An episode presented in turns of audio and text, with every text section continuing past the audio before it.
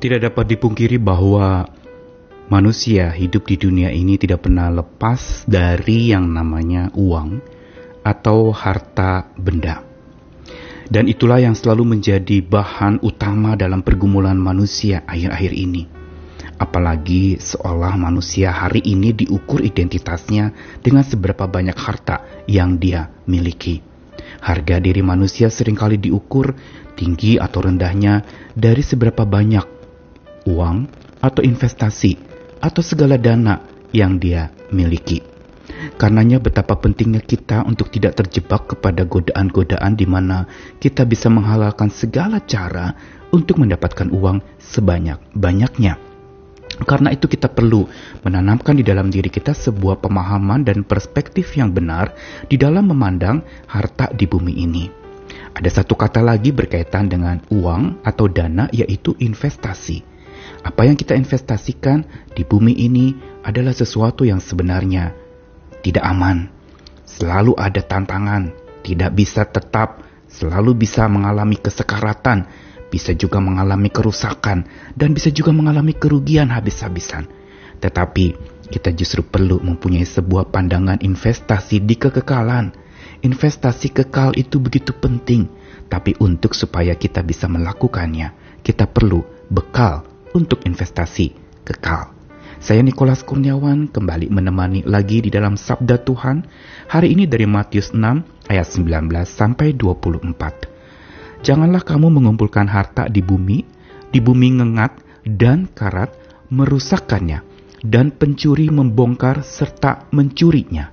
Tetapi kumpulkanlah bagimu harta di sorga, di sorga ngengat dan karat tidak merusakkannya, dan pencuri tidak membongkar serta mencurinya karena di mana hartamu berada, di situ juga hatimu berada. Mata adalah pelita tubuh.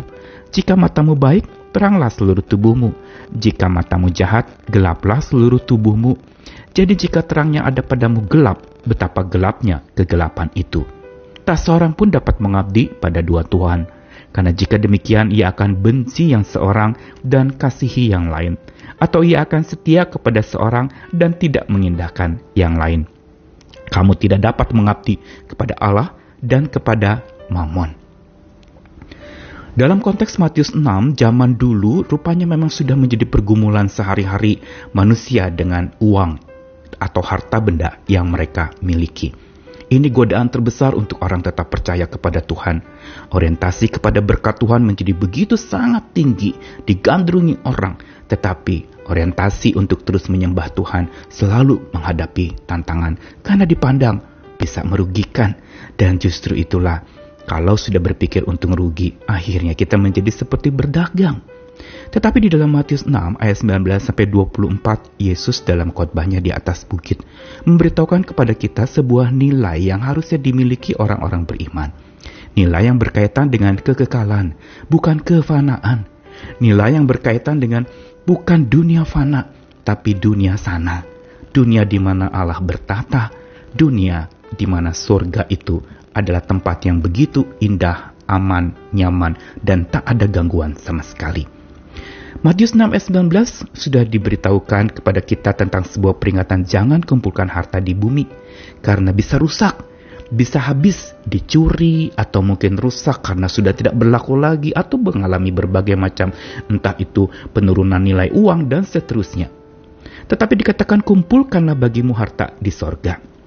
Kata kumpulkan di sini dalam dua ayat 19 dan 20 digunakan kata tesauritso yang artinya adalah I store up.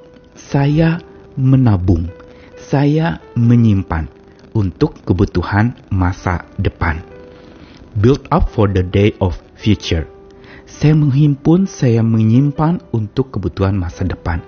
Ini sama istilah yang digunakan untuk menabung atau menginvestasikan. Bukankah para investor begitu? Dia menanam modal, dia menanamkan uangnya untuk kemudian hari dia dapat untung. Bukankah ini juga ada dalam dunia dagang? Tetapi Tuhan mengingatkan dengan keras sekali Jangan kumpulkan di bumi, tapi kumpulkan itu di sorga. Apa artinya?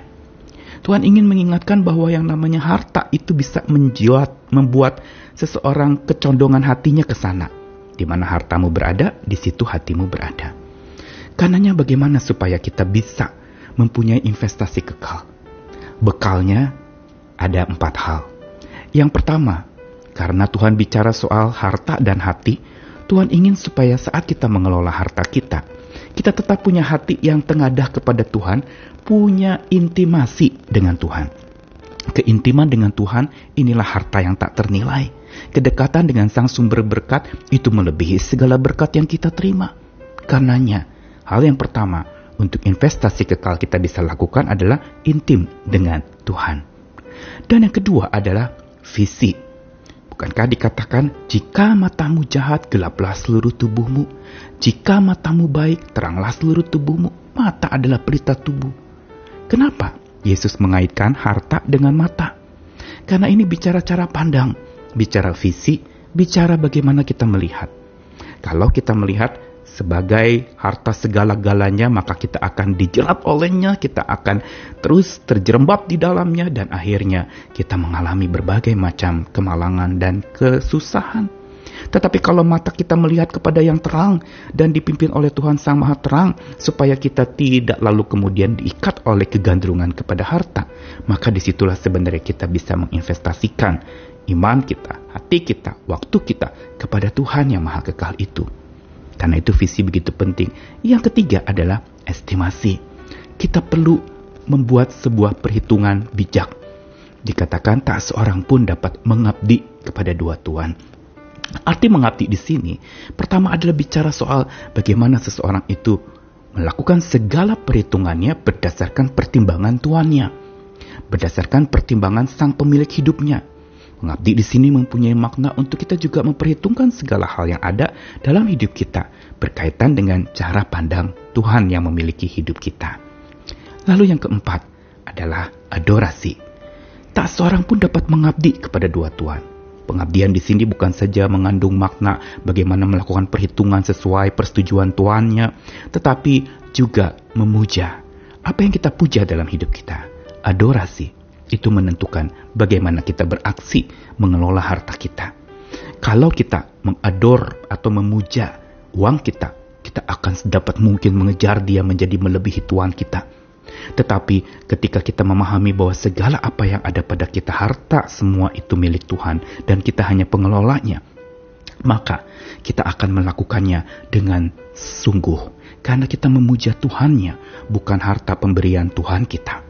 Karenanya marilah dengan intimasi yang dalam dengan Tuhan, visi yang jelas dari Tuhan, estimasi dari hikmat Tuhan, dan adorasi hanya kepada Tuhan, kita melakukan sebuah langkah menabung harta kita di sorga, menabung iman kita, menabung dan menginvestasikan hidup kita seutuhnya kepada kekekalan.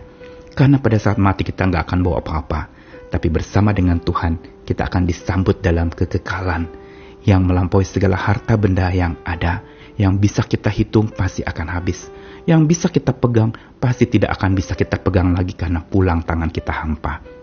Tuhan mengasihi kita, minta hikmat Tuhan untuk memimpin kita supaya kita bisa berinvestasi dengan bijak, dengan benar dan hati yang takut akan Tuhan. Tuhan mengasihi kita sekalian. Amin.